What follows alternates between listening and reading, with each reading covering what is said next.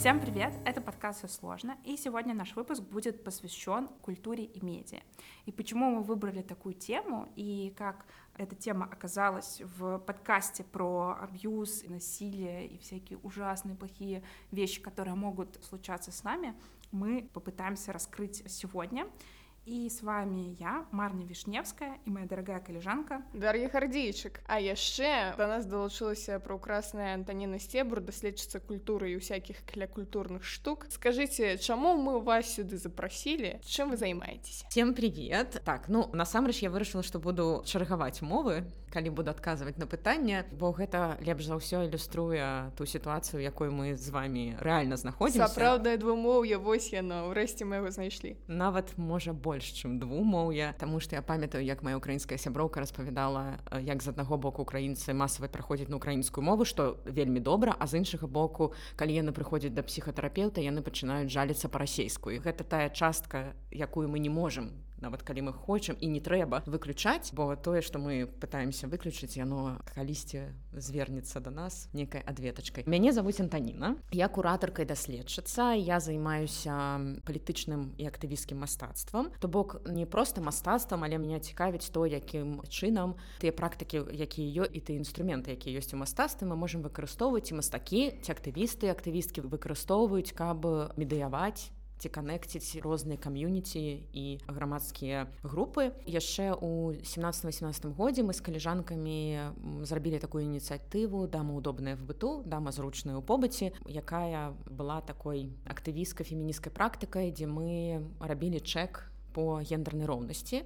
Гэты проект быў звязаны наўмысна з кейсам калі затрымалі рэдактарак незалежных медыя так адбылося што рэдактаркі незалежных медыя усе аказаліся жанчынамі і іншы рэдактар савецкай беларусі ён пракаментаваў іх затрымання наступным чынам я не ведаю можа яны дамы удобныя в побыце але прафесіяналкі яны не вельмі спачатку на 100соткаў гэта фраза мяне персанальна вельмі задзела але якім ці чынам мы пачалі з каліжанкамі размаўляць і зразумелі што гэтая фраза некае патрабаванне ожидание якое адрасуе грамадства да цябе як жанчыны. І таму мы пачалі такі праект дзе мы работали са статыстычнымі дадзенымі зразумела што акрамя розных сфер дыскрымінацыя нас таксама цікавіла праблема домашняга гвалту і потым уже пасля двадцатого года звязок домашняга гвалта і палітычных рэпрэсіяў гэта адна з часцін мне падаецца чаму я магу казаць з аднаго боку пра культуру і медыа з іншага боку пра гвалт. У шмат якіх сваіх праектах дзе я была куратаркай напрыклад выставы імёны у нас былі праекты якія былі прысвечаны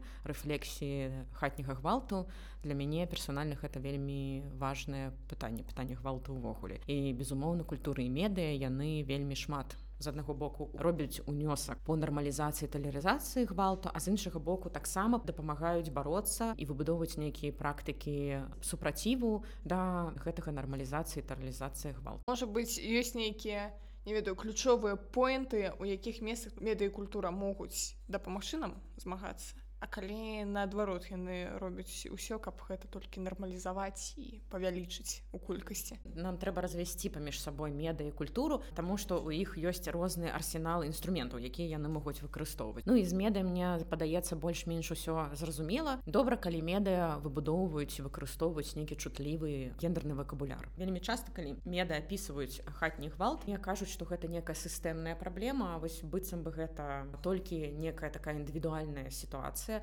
часта кажуць што вось адбыўся канфлікт мне больш за ўсё падабаецца адбыўся канфлікт паміж мужам і жонкай 10 нажавых і самае горшае што можуць зрабіць медыа гэта калі яны кажуць што не ўсё так адназначна ну гэта моя улюблёная фраза апошніх некалькі гадоў гэта не самае горшае на жаль што могуць зрабіць медыа потому што ёсць яшчэ нейкія такі прапагандысцкія нечутлівыя медыа якія наадварот раскручваюць гэту машыну гвалту. Калі мы кажам напрыклад пра дыскрымінацыю мы кажам што дыскрымінацыя нероўнасць яна арганізавана структурна структурна і тут таксама трэба казаць што гэты гвалт ён таксама арганізаваны структурна сістэмна. То бок насамрэч усе розныя тыпы гвалту ад хатняга гвалту да вайны палітычных рэпрэсій яны вельмі моцна звязаны адзін з адным. Таму неважна пра які кейс гвалту распавядае медыа важна каб яны былі чутлівыя пускалі гэты кантэкст і падкрэсвалі што гэта сістэматычная штука што гэта не проста адзін кейс на мільён бо мы напрыклад ведаем наконт гвалта што кожная трэця беларуская жанчына была жертвай хатняга гвалту то бок мы не можам казаць калі мы пішам пра гвалт што штосьці гэта выпадковая ну вось я памятаю калі імёны пісалі пра хатні гвалт. Маецца на ўвазе дабрачынная медыяплатформа імена беларуская некамерцыйная краундфандынгавая платформа якая уключала ў сябе онлайн-часопіс імена і праектны аддзел то бок фонд у ліпені 2021 года разам сотнямі іншых нка ў беларусі платформа была ліквідаваная яны працавалі з нда яны бралі шмат інтэрв'ю жанчын якія самі прайшлі праз хатні гвалт хтосьці з іх нават стаў актывісткамі якія прасоўвалі праблему хатняга гвалту. То бок паказвалі з розных бакоў і яшчэ дадавалі телефон тады яшчэ працавала радыслава радзіслава гэта некамерцыйная дзяржаўная дабрачынная арганізацыя якая была створаная ў 2002 годзе і аказвала дапамогу жанчынам якія пацярпелі ад гвалту. Радзіслава была ліквідаваная 9 сакавіка 2022 года. Ты яшчэ працавала радыслава і яшчэ збіралі грошы на гэта. Гэта добра калі гэта працуе як інфармацыя і дзеянне. Што датычыцца мастацкага асяроддзя то мне тут падаецца што таксама у мастакоў мастачак ёсць вельмі шмат якога арсенала. Ну па-першае мы ведаем што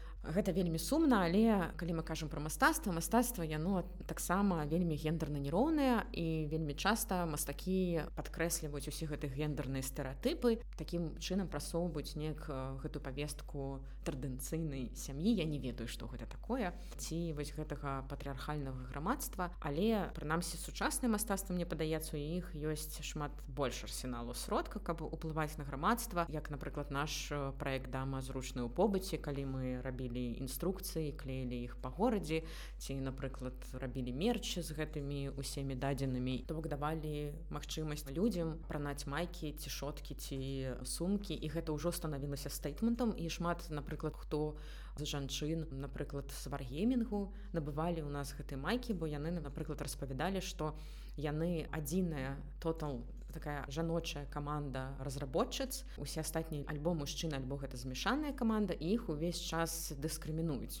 Таму што яны жанчыны і дзеля іх апрануць гэтую майку гэта быў таксама такі стейтмент супраціву.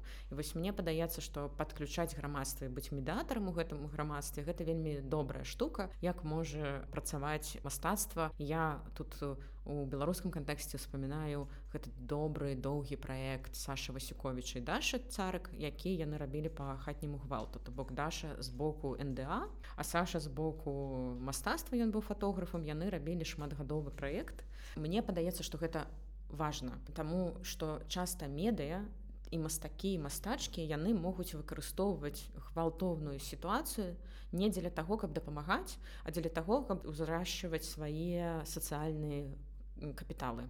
То бок яны штосьці зрабілі потым забыліся пра гэта выставілі і ўйшлі. І далейшы гэты ўсе кам'юніці яны жывуць як яны жывуць. І гэта вельмі істотна. Я вельмі уважліва сачу за тым каб калі чалавек робіць праекты чутлівыя ці які датычацца гвалту ці датычацца нейкіх чутлівых таких сацыяльных тэмаў каб гэта мне быў нейкі так кароткатэрміновы проект каб гэта быў доўгатэрміновы проект так мне падаецца больш шчырая пазіцыя.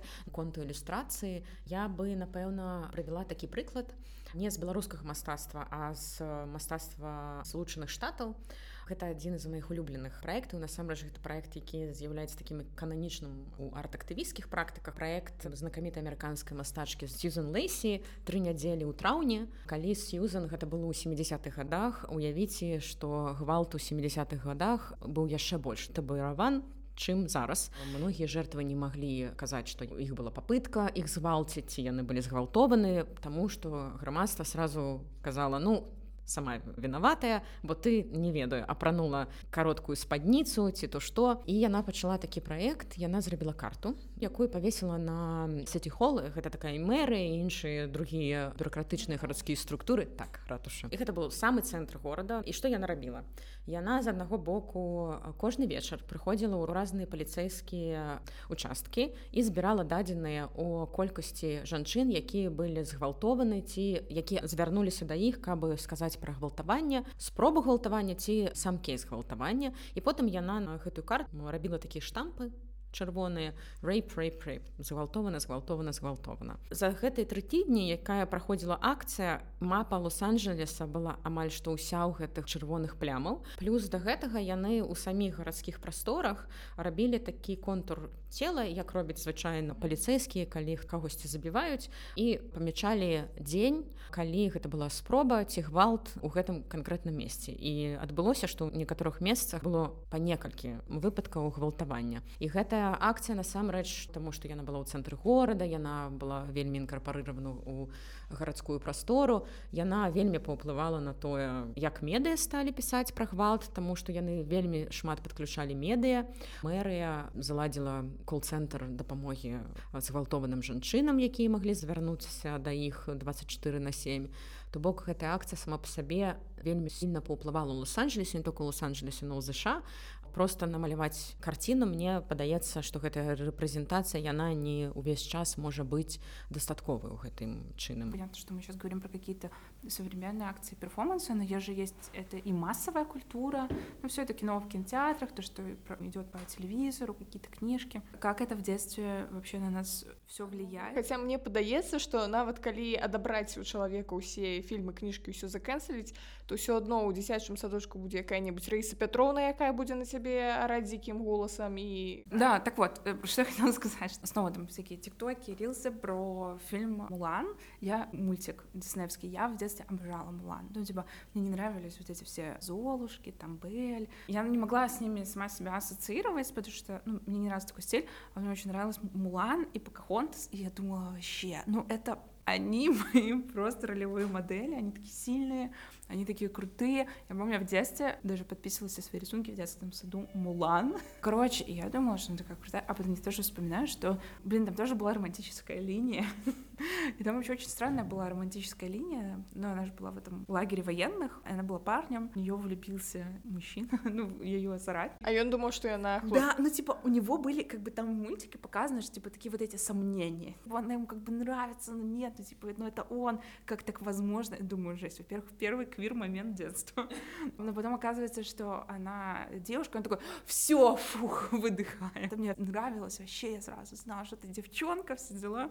Но это, это вообще к чему я вела? Это про то, что типа, ну ты растешь в этом. И не все эти отношения здоровые, то, что нам показывают. И постоянно, мне кажется, с детства тебе все говорят, что у тебя должны быть в конце концов романтические отношения. И нет такого, что ты можешь быть одна. Поэтому, мне кажется, это очень важно поговорить вообще, в принципе, как на нас культура влияет, насколько она сильно влияет, потому что потом мы ходим к психотерапевту по пять лет и пытаемся это хорошо, если мы ходим, и мы пытаемся вот это, избавиться от этих названных стереотипов и понять, в принципе, что нам нравится в этой жизни и чего мы на самом деле хотим. И реально ли наша цель — это семья, двое детей, собака и квартира в Новой Боровой. Мы находимся с вами в Новой Боровой. Слушай, ну квартира у Новой Боровой и, и собака — это, в принципе, корхи. Может быть, и без односинов.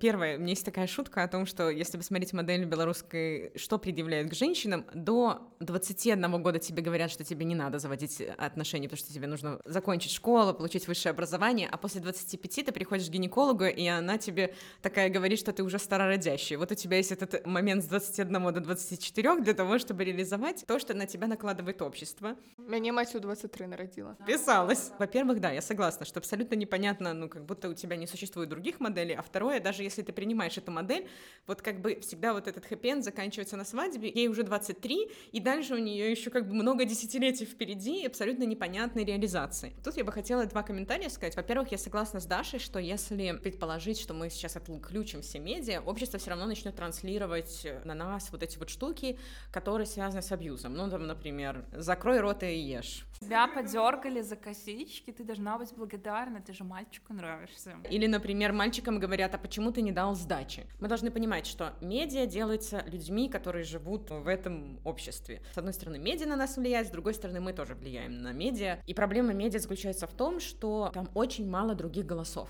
Ну, то есть общество, ну, очень разнообразно. Есть люди, которым хочется выйти замуж или жениться, которым хочется квартира в Новой Боровой, корги, дети, без детей, без корги, без квартиры в Новой Боровой. Мне кажется, тут проблема в том, что медиа все время репрезентируют очень мало вариантов для реализации. Я вообще все время думаю о том, что если ты женщина, то у тебя не так много вариантов каких-то... Ну, сейчас больше, это тоже классно. Очень классно, что мы, например, помню, когда вышел Секс в большом городе, да. Это было просто, ну, невероятно. Впервые о сексе на большом экране заговорили и женщины, которые... Но они бы даже не прошли этот знаменитый тест BBC о том, что как бы в фильме есть несколько женщин, они разговаривают между собой, вот эти два критерия они бы прошли, но третье, что они говорят не о мужчинах, они бы не прошли, потому что весь этот период времени они занимаются потреблением и разговорами. Но они еще обсуждают туфли. Ну да, потреблением. Іншая гісторыя пачалася ў апошнім сезоне напэўна калі саманта захварэла на онкологию онкалогію вось тады яны пачалі размаўляць пра нешта іншае про онкологию. Не на самом деле они еще разговаривали про работу но у них работа такая но ну, она очень нереалистичная. Кэрри пишет одну колонку в неделю и может покупать себе туфли за 700 баксов это про тым что яна працуе не ў воўк ад пачатку у нейкім нью-йорк стар то бок но я не ведаю якія нью-йоркскія заробкі насамрэч можа там журналісткі так і працуюць але і кватэры там ведаеш здымаць кватэру там не тое что ў варшаве. ну, например э, шарлота которая кураторка выставочная личного пространства. Я думаю, Антонина скажет, что это какое-то, ну, нереалистично. Она просто иногда приходит, постоит с бокалом шампанского и, типа, про то, как вообще происходит ее работа, как она, ну, растет в карьерном плане. Но этого вообще, типа, нет. Как будто у нее работа занимает 10 минут в день. И она просто такая приходит, посмотрела, что все отлично, привязала красную ленточку и ушла. Но работа, на самом деле, кураторки, ну, не то, как бы это показывают на экране. Адчуванне, што толькі Міранда ў іх працуе, все астатнія так. То, что она трудоголик, все время как бы это немного с негативным негативной стороны да. подчеркивается. Но вот возвращаясь к теме насилия, вот я, к сожалению, своей Мулан не смотрела, но я очень любила Покахонтас, потому что мне тоже как бы было очень странно смотреть на всех этих кисейных барышень, но когда я потом уже чуть позже стала думать о вот самой фигуре, и мы прекрасно понимаем контекст, в котором снимается этот мультик, что это как бы жуткая колонизация. Да, этот мультик основан на реальных, немножко отштруховывается от реальных событий, но на самом деле она очень фактически, там происходит геноцид коренного населения, там происходит насилие. И это просто вот как бы выведено за рамки, потому что любовная история... А Любовь сильнее геноцида. Ну вообще, мне кажется, тут Первое, мы должны понять, что вообще существует огромная проблема гендерной нерепрезентации женщин в кино, вообще в киноиндустрии. В 2020 году были цифры, вот мужчины и женщины, и женщин на экране присутствует только 36%. Из них на самом деле только 20% это женщины, которые говорят в кадре, хоть какие-то фразы. Часть женщин из этих 36%, то есть половина из них, просто тихенько стоят для красоты. И там, не знаю, если вспомнить фильм «Железный человек», там женщины, они просто являются декорацией. Это первое, что, то есть вот этот момент инструментализации и объективации женщины. Второй момент — это то, что девочки, в принципе, не могут найти себе... Довольно сложно найти ролевую модель. То есть ты не можешь догадаться, что ты можешь быть президенткой, потому что ну, ты, ну, как бы не видишь таких примеров, например. Не только медиа не транслируются, более того, если даже посмотреть, как медиа разговаривают, описывают женщин и мужчин политиков, женщин и мужчин ученых, мы увидим, что часто они обсессивно-компульсивно циклятся на том, во что женщина была одета. А поскольку женщина всегда, вот есть этот момент в патриархальном обществе, что женщина, хотела сказать, украшение стола, но, в общем, то есть, когда я сказала, что женщина удобная в быту, то есть ей самой будет некомфортно и неудобно, является триггером для такой вообще фразы как общество думает о женщинах, что если она некомфортна, неудобна, это вызывает вопросы. Если мужчина некомфортен, неудобен, он там гений, классно высказывает свою мысль и так далее, это уже создает вот это вот неравенство. Почему вообще, мне кажется, происходит насилие? Потому что у тебя есть иерархия в голове. Она есть в голове, она есть в обществе, но поскольку мы понимаем, что общество тоже как бы это такой социальный конструкт, оно тоже выстраивает эту иерархию. И в чем проблема с иерархией? Читала статью, посвященную женщинам в Узбекистане. Там огромное количество суицидов среди молодых невест. И главным абьюзером для молодых невесток является их свекровь. Сама женщина, которая пережила насилие, потом как бы подвергает другую женщину насилию, буквально говоря о том, что типа, а зачем тебе пользоваться стиральной машиной, стирай руками, я же стирала руками. Очень сложно выйти из этого круговорота насилия, потому что в твоей голове уже есть эта иерархия, и ты не делаешь это рефлексивно, ты просто продуцируешь те механизмы, которые в тебе заложены, в которые общество к тебе предъявляло годами, годами, годами, и вот у тебя появляется возможность выстроить отношения с субъектом, который находится в твоей голове в иерархии чуть ниже тебя, и у тебя есть, как бы нам кажется, две стратегии. Прервать и как бы продолжить. Но прервать это очень тяжело. На самом деле ты не можешь без посторонней помощи это сделать, потому что ты сама была жертвой этого абьюза, и ты будешь бессознательно его вас производить. И тем более, что при этом еще всем в медиа часто насилие сейчас уже меньше, но особенно в нулевых и 90-х э, и раньше насилие часто романтизировалось «Последняя танго в Париже», где Марлон Брандо в буквальном смысле насилует главную героиню. И это просто такой красивый кадр. Что добавляет медиа к этой всей истории, это сама нормализация ситуации. Когда ты вокруг не видишь этих красных флажков, когда для тебя и общество в целом, культура, медиа подчеркивает это насилие как нормальное, ты воспринимаешь это как что-то нормальное. Нина, я еще подумала, смотрим все эти кино, и там типа часто женщины, но они же полураздетые амазонки, особенно всякие супер боевики и прочее. Лара Крофт на высоченных каблуках. Да, вообще так удобно, мир спасать. И для позвоночника полезно. Ну так вот, и потом, видишь, например, все эти костюмы, которые продаются на любую костюмированную вечеринку, вы хотите пойти с друзьями, ну, тебе приходится тоже, ну вот наполовину оголяться, а потом, например, к тебе кто-то пристает на вечеринке и говорит, ну ты была так одета, ты была такая сексуальная, а другого нет, а что мне еще одеть? Ну как, как, как я могу, я хочу, например, одеться супер женщиной, и что мне надо? Ну, одевать лифчик и трусы трусы и поверх плач, ну или шить самой все сидеть целый месяц, чтобы прийти, ну, в нормальном костюме. Ну, то есть, и вот это как все это связано. То есть ты сама этого хотела, но при этом мы еще и создали такую среду, чтобы ты этого хотела, и чтобы ты этого, может, и не хотела, но у тебя выбора не оставалось. Давайте только сделаем один очень важный дисклеймер. Женщина, не только женщина, любой человек имеет право одеться, как ему или да. ей за, им захочется, в любое количество одежды, если это не противоречит закону. И проблема действительно заключается в том, что не так много для женщин разнообразия разнообразие этих костюмов. А вторая проблема заключается в том, что если ты надеваешься как-то откровенно, то сразу общество говорит о том, что, ну, если к тебе пристают, или, не дай бог, ты будешь изнасилована, либо, неважно, эмоционально или физически, ну, а что ты хотела, да? С одной стороны, у женщин отбирают субъектность и агентность, то есть они сами ничего не решают, но в случае когда что-то идет не так, вся вина возлагается на нее. У меня есть потрясающая история про средневековье. В средневековье трупы нельзя было раскрывать, мало кто понимал, как происходит э, весь процесс э, от зачатия до рождения, и они сравнивали ситуацию с землей, что вот семечко, которое отправляется в землю, земля это просто такая удобная материя, которая помогает семечкам взрастить. Понятно, чей тут генетический материал главный. И это давало мужчине возможность, например, в случае развода, еще чего-то там, если выгоняют жену, забрать детей себе.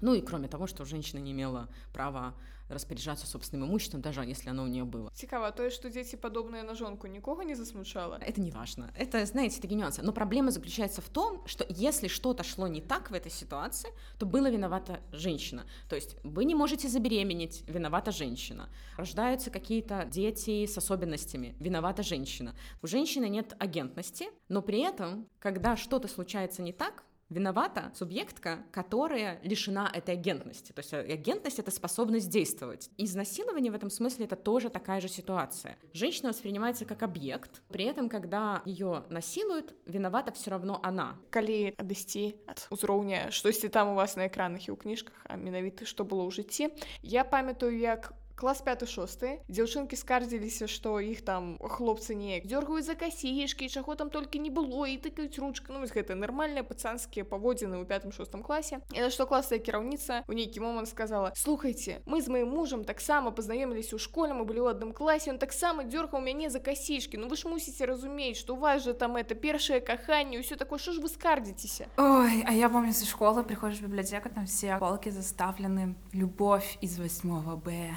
и ты читаешь вот эти романы, и там типа что-то происходит, там какие-то интриги, смотришь на свой класс, просто класс, ничего не происходит, и ты такой, ну подожду, я сейчас в седьмом, может быть, в восьмом, в восьмом ничего не происходит, в девятом, типа, даже в школе вот эти библиотечные книги, они все это воспроизводят. Но на самом деле, блин, в школе вообще очень много всего ужасного, например... Школа ужасна. Учителя, ну, типа люди, которые сверху, которые имеют какую-то власть, ну, которые не могут ее применить в положительном ключе каком-то, как они бездействуют, например, ну, мне кажется, в принципе, это какое-то унижение сказать, что у тебя месячный, ты не можешь идти на физкультуру, вот, и то есть какие тебе нужно круги ада проходить для этого. У нас физрук патрабаваў справку ад гінеколага. Што?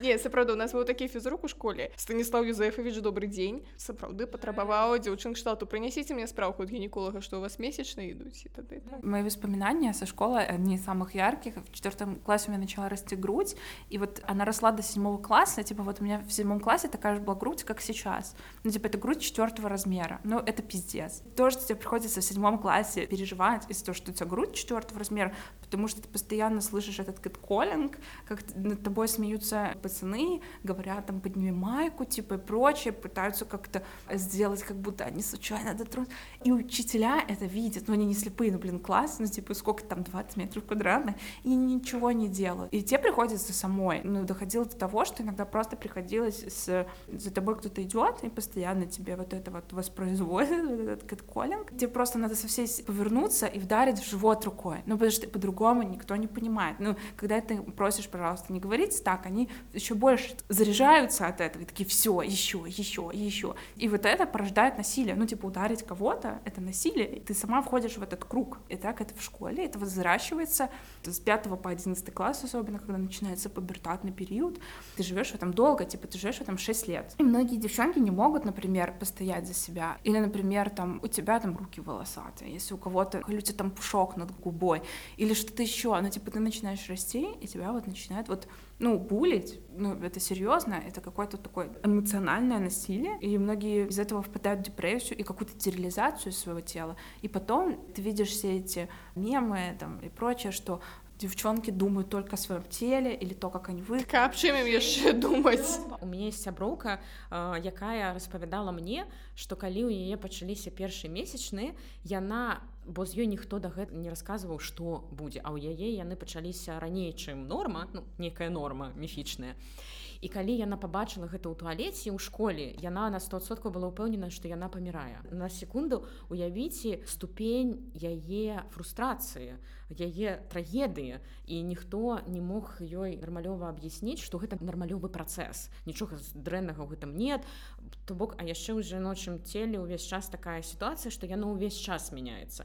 Неважно подлетка ты ці не яно змяняецца бо гэта цыклы і калі ты першы некалькі разоў праз гэта праходзіш гэта ты яшчэ яшчэ змяняешься бо ты ў падлеткавым узросце плюс яшчэ твоё тело цыклічна змяняецца і ты ўвогуле не разумееш что происходзіць і гэта вельмі на гэта ўсё накладваецца не толькі тое что мы пазбягаем усе гэтай тэмы публічна распавядаць ці наша любимая карательная гінекалогія якая існуе ў нашай краіне куды ты ідзеш я не ведаю ўжо с адчуваннем того что табе прыйдзецца адказваць на ўсе гэтыя пытанні. Палавой жизни жывёце калі нет плохо да таксама плохо. Калі так падсумаваць усё гэта мне вельмі падабаецца гэты падыход калі мішель фуко параўноўваў што турма школа і завод арганізаваны аднолькавым чынам Таму што гэта закрытая сістэма з вельмі яўнай іерархіяй выбудаванай. Калі ты падлетак ці дзіцё у табе амаль што няма правоў з аднаго боку.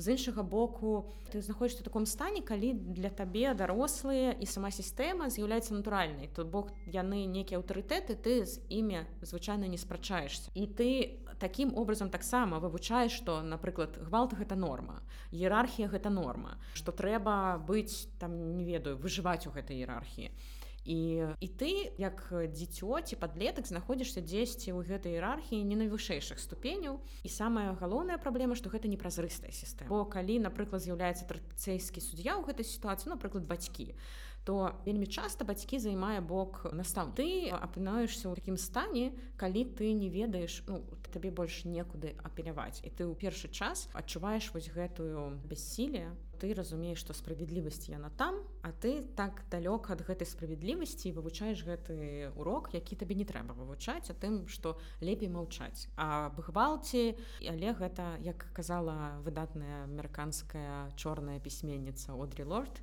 твоё маўчанне табе не захісціць і мне падаецца то гэтая праблема а іншая праблема вось давяртаючыся да тое як работае культура культура вельмі часта кажа што не жаночая гэта можа быць.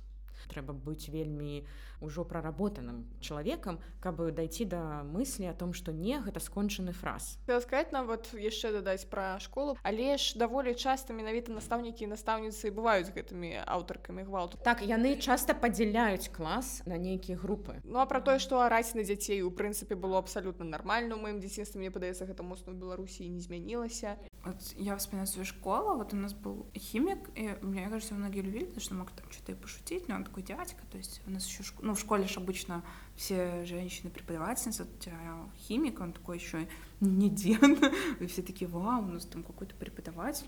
И для меня урок химии всегда был стрессом, потому что у него были какие-то очень странные подходы в обучении детей, в принципе. У него всегда был все тесты на скорость. Он объясняет, типа, один раз. Ну, ты приходишь, и, и он с тобой так разговаривает. Мне кажется, это был реально какой-то эмоциональный абьюз. То есть, как он ведет урок, что он делает, и как он тебя показывает, что ты что-то не знаешь.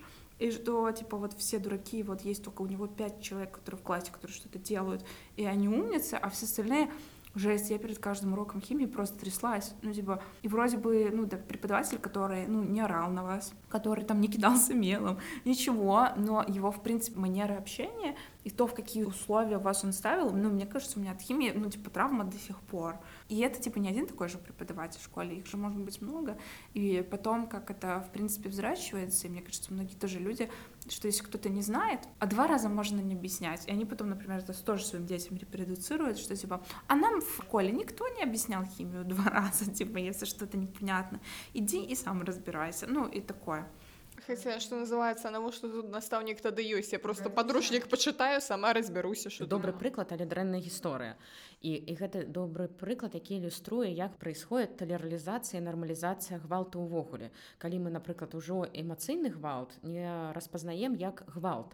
І іншы прыклад які мы ўсе тут на жаль назіраем і самі з'яўляемся і сведкамі удзельніцамі гэта палітычны гвалт. Я памятаю калі у толькі пачаліся пратэсты нават штраф штодзень у турме быў вялікай трагедыі і так і павінна быць вялікая трагедыя гэта калі чалавеку даюць турму ці нейкі штраф ні за што калі ён не ці яна не рабілі антызаконных дзеянняў яму вынеслі такі прыгавор.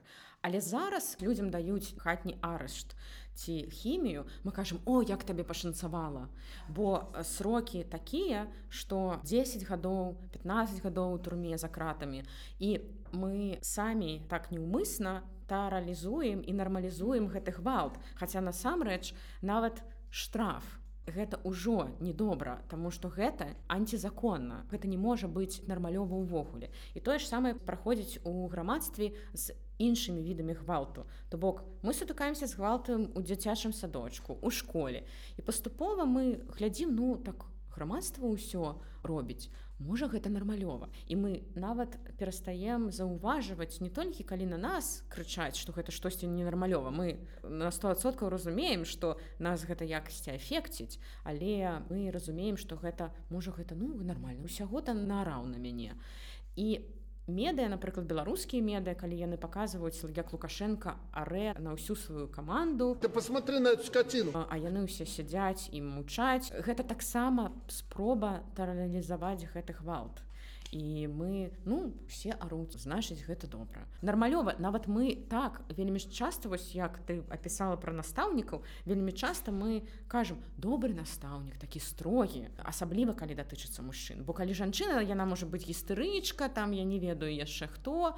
І это таксама медыйная рэпрэзентацыя таксама дапамагае нам гэта нармалізаваць дапамагае у негатыўным сэнсе. Але ў мяне напрыклад у школе быў не ў школе ў ліцэі быў пазітыў памятаю першы раз калі мяне назвалі феміністкай і гэта быў першы раз калі гэта не было здзекам памятаю па гісторыі у нас была кантрольная там нам давалі опіс чалавека гістарычнай асобы і нам трэба было атрыбутаваць яго ну хто гэта я не памятала імя гэтага чалавека але я памятала як завуць яго жонку. Я так і напісала мужа спазі хутарка шла пра перыкла моя гістарыца ўсё роўна яна не знізіла знаку мне і сказала что ну гэта же вядома что тоня у нас феміністка і гэта не было. Яна феміністка ну што з ёй взять а наадварот гэта было простая канстатацыя факта без эмацыйна.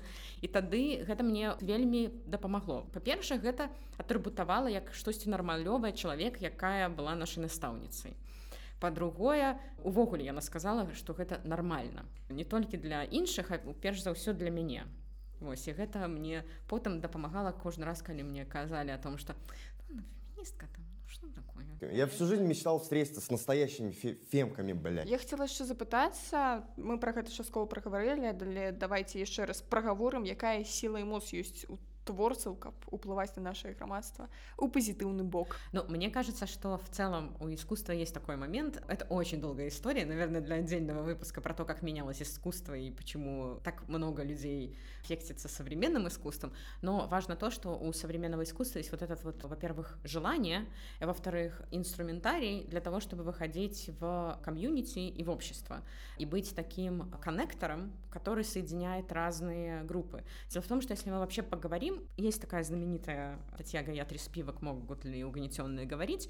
Она сама занималась постколониальными исследованиями и как раз говорила о том, а как могут угнетенные говорить. И ее, конечно, выводы очень неутешительные, потому что почти что никак потому что они находятся все время в этой невидимой зоне, и непонятно, каким языком они могут пользоваться для того, чтобы быть услышанными.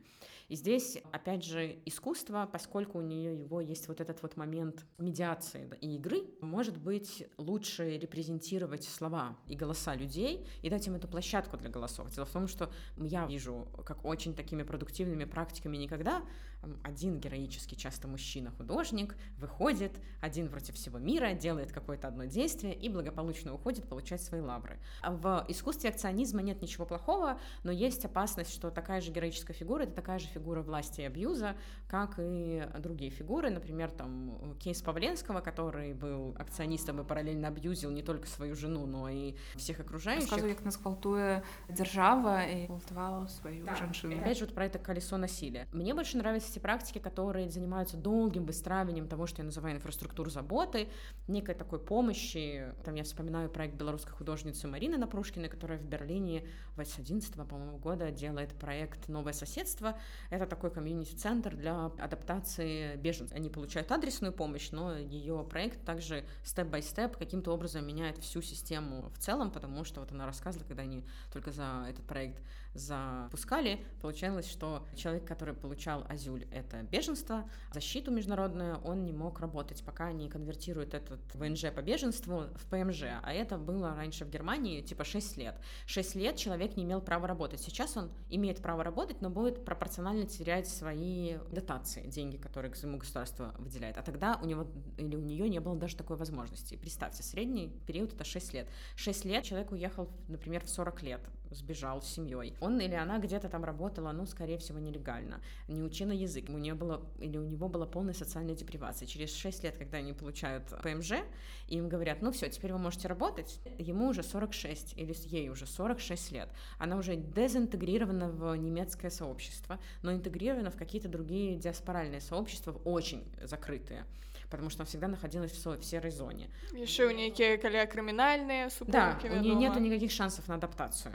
И это большая проблема. То есть это то, как ее, в том числе комьюнити-центр, помогает людям адаптироваться. И она это делает через те инструментарии искусства, которые в искусстве существуют. Мне такие проекты очень нравятся. Никогда что-то делается специально, чтобы это было выставлено для выставки. Это тоже важно. Потому что выставка это тоже важно, потому что это такая неожиданная встреча с чем-то. Ты можешь прийти на на выставку, тебе проще, потому что ты как бы приходишь в специально отведенное место, ты там все уже ожидаешь, и тебе проще войти в какую-то социальную проблему, чем, например, тебе кто-то будет назидательно рассказывать, как все плохо. Эти две стратегии работают разными способами. Одна меняет сообщество, вторые помогают тебе, наверное, на старте лучше понять проблему. Но дальше тебе нужно что-то делать. И дальше ты не понимаешь, что тебе делать, как тебе жить, когда ты узнала, что столько женщин загвалтованы или столько политзаключенных сидят в Беларуси, потому что я не отделяю эти виды насилия друг от от друга. Нельзя решить один вид насилия, не решив другой вид насилия. Они все связаны, как и насилие над детьми в детских садах и школах. И это такой очень долгий процесс, который, я не знаю, в Беларуси... То есть, когда говорят про Беларусь будущего, я себе совсем ее по-другому представляю. Я думаю, что это очень сложная работа в течение нескольких десятков лет.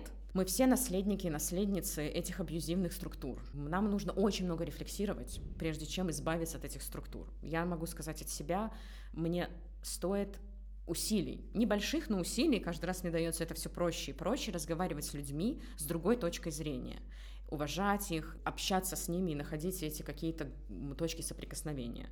Это сложно, потому что я выросла в обществе, у которого было только один дискурс правильный, все остальные дискурсы должны быть уничтожены. Поатомизованные, разбитые по своих суполочках и там... И тихенько там где-то на кухне, да, атомизированы либо уничтожены. Спасибо тебе, Антонина, что сегодня присоединилась к нам. Это была очень интересная беседа, очень много инсайтов, highlights, какие еще можно придумать зарубежные слова, к которому мы уносим с собой. И мне кажется, типа, эта тема про культуру и, в принципе, насколько это внутри нас засело, вот этот абьюзивный цикл, насколько глубоко мы в нем находимся сами с собой и с этим сообществом, это ну, просто на два или на три выпуска можно было делать многосерийно, можно было делать отдельный подкаст. Я апошняе мушу сказаць наконт таго, што нас чакае працяглая складаная праца так, але прынамсі мы даму рады да яе прыступіць увогуле і будзе файна калі вы першым крокам ці якім там крокам адным з крокаў паставіце лайки подпішыцеся на наш подкаст